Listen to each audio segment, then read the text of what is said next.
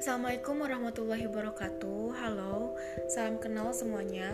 Aku Anissa Karimah Nida Usia aku sekarang 22 tahun.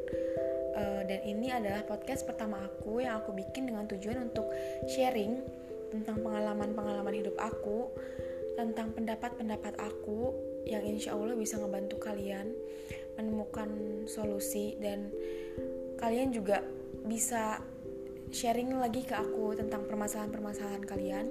Karena alhamdulillah selama ini untuk orang-orang sekitar aku mereka cukup cukup sering sharing pengalaman mereka ke aku dan alhamdulillah itu jadi ilmu buat kita semua gitu. Jadi aku mau sharing dan aku mau buka untuk menerima sharing bagi kalian